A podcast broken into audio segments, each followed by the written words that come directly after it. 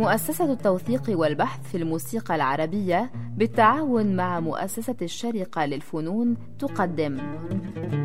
من التاريخ.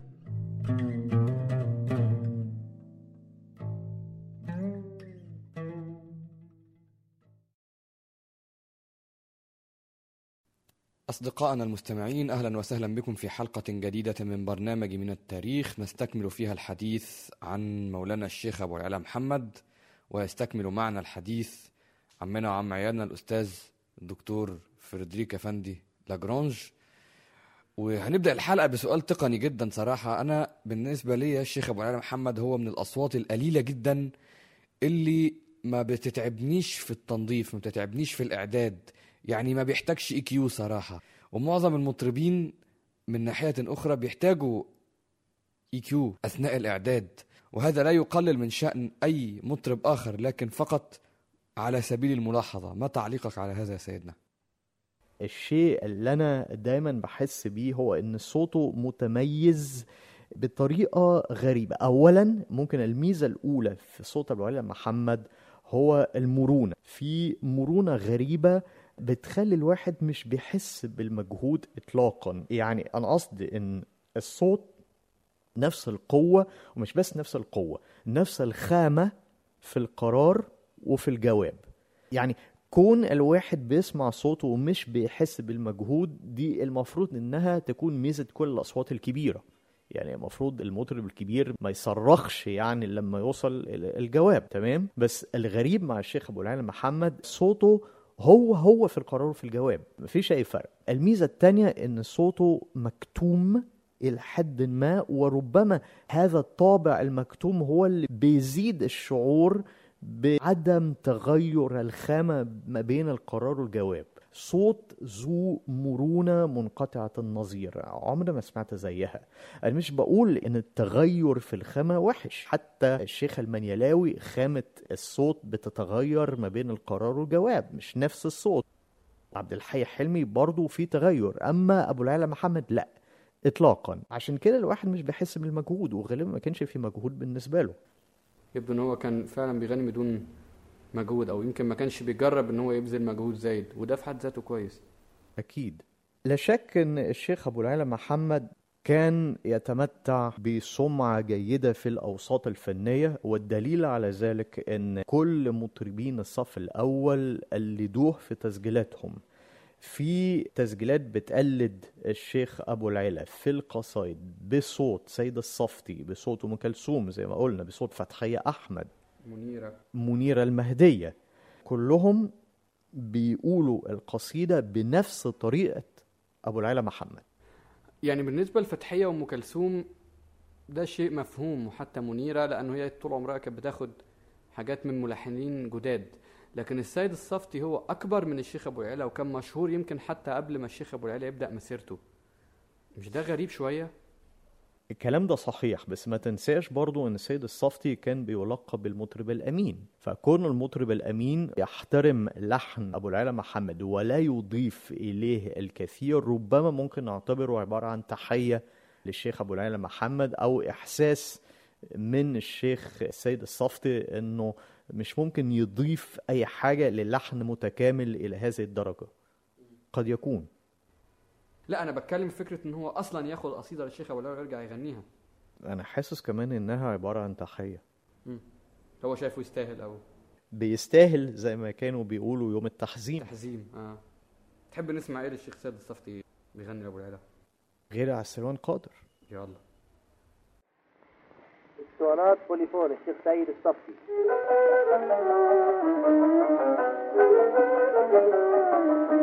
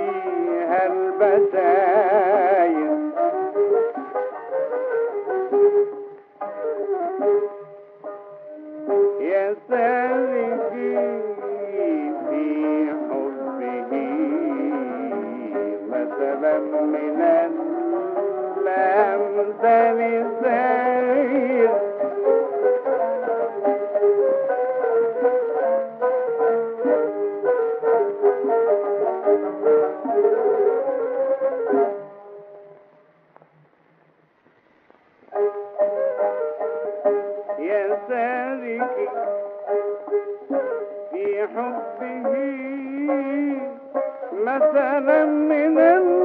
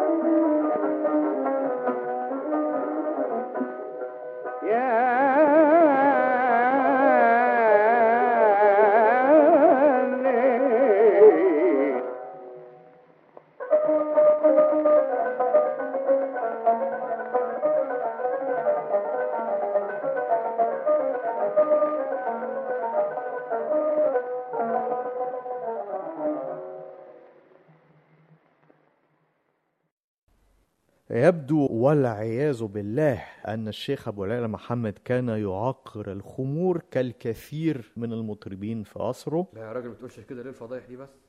لا معلش يعني لازم نقول الحق. ولا في حد يقرب له؟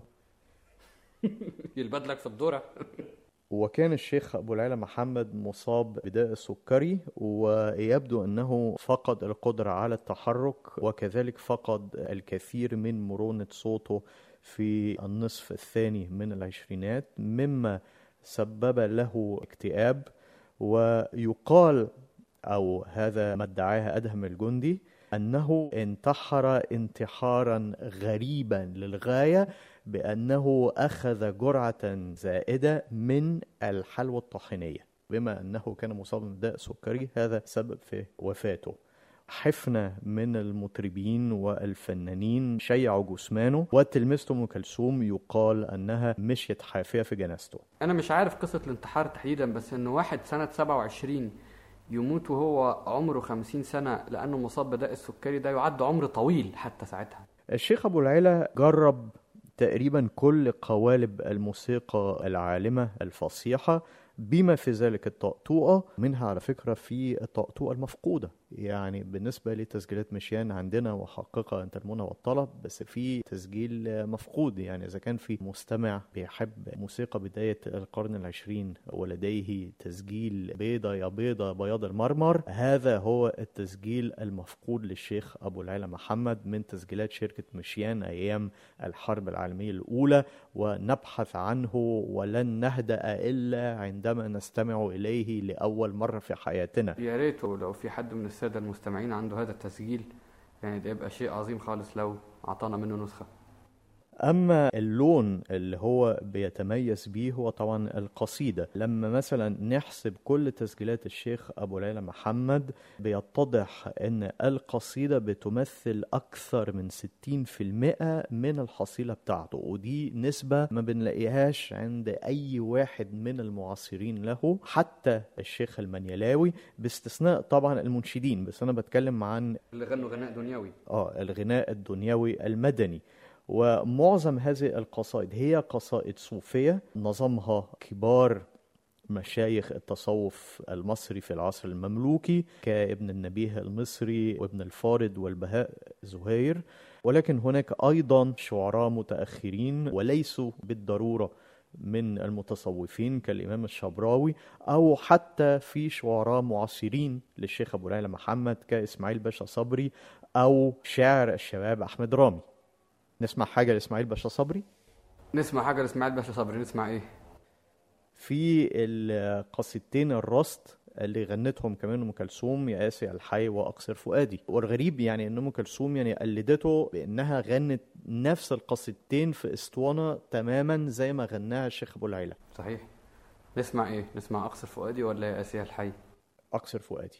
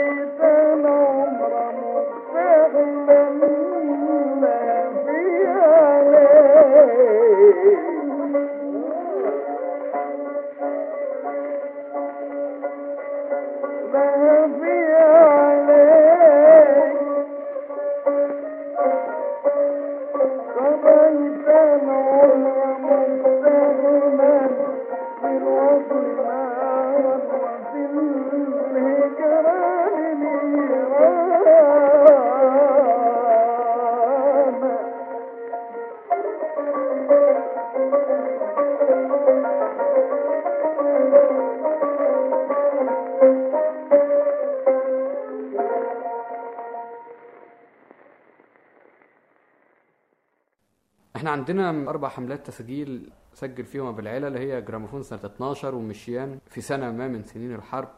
ولما رجع بوليفون سنة 20 وآخر مرة سجل هي مع بيضافون سنة 21 تقريبا. وفي تسجيل 21 ده بيبين عليه إن هو ناضج بس كمان يبدو عليه تعب ما مش في نفس القوة والمرونة بتاعة جراموفون أو مشيان. لا شك يعني لا شك أحلى تسجيلاته تسجيلات جراموفون. ومنها قصائد أنا شايف إنها تكاد تكون إعجازية كخلياني بلوعتي الحجاز الموقعه المسيرة اللحنية شيء مذهل ومحير بصراحة.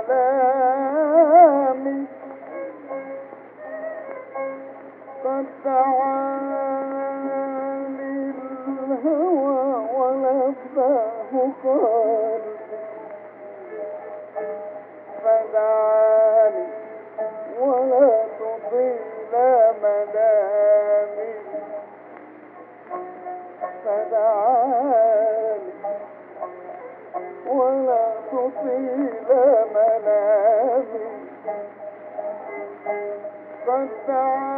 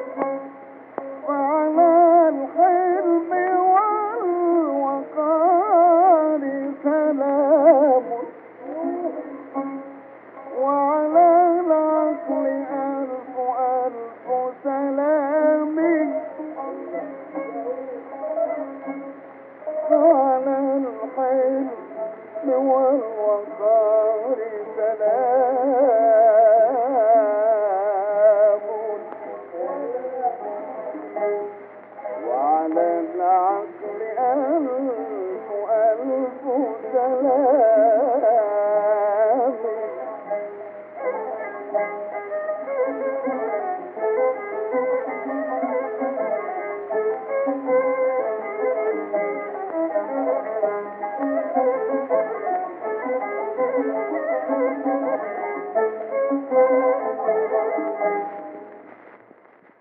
فكرة لما بنتكلم عن أسلوبه في التلحين لو رجعنا لمسألة هذه العلاقة الجدلية بين الثابت المتحول في الغناء الراقي المصري في بداية القرن العشرين أنا شايف يعني لا أدري إن كنت ستوافقني أو ستخالفني في هذا الرأي بأن الشيخ أبو العلا محمد لابد من إننا نصنفه في نفس خانة الشيخ المنيلاوي خانة التلحين الميل إلى التلحين الميل إلى تثبيت اللحن وهو عبارة عن حلقة وسطية ما بين المنيلاوي والجيل اللي تلاه من أمثال محمود صبح ومن أمثال أمين حسنين حتى عبد الوهاب. وحتى عبد الوهاب. أنا كنت هقول لك عبد الوهاب لأن عبد الوهاب بتاع منك يهاجر دائي أبو العلاوي بشكل يعني ملفت جدا. أقترح أننا نقارن ما بين قصيدة سيكا للشيخ أبو العلا محمد وقطعة صغيرة من منك يهاجر دائي لمحمد عبد الوهاب.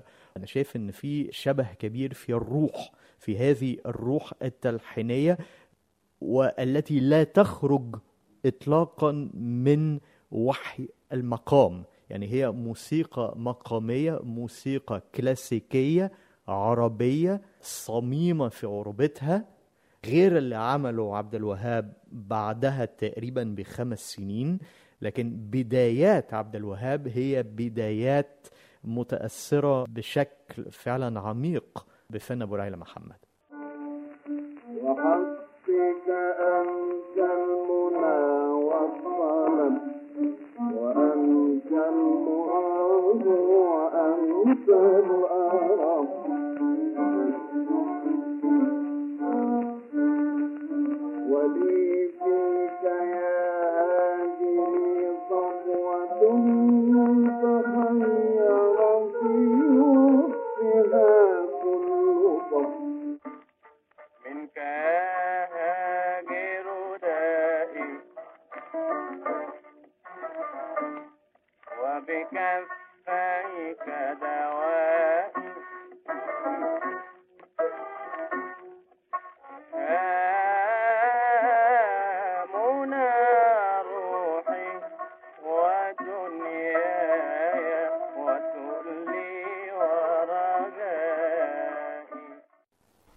نختم النهارده حلقتنا عن القصيدة قبل ما نروح عن الحلقة اللي هنتكلم فيها عن بقوة القوالب. أنا في قصيدة من آخر تسجيلات الشيخ أبو العلا اللي هي يا رب هيئ لنا من أمرنا رشدا. حاسس فيها إن هو بيودع الدنيا مثلا أو إن هو فعلا زي ما يكون بيقول لنا خلاص مش ساجل تاني يعني صوته فيها غير النضج في نوع من الحسرة على شيء بيروح منه أو مش عارف.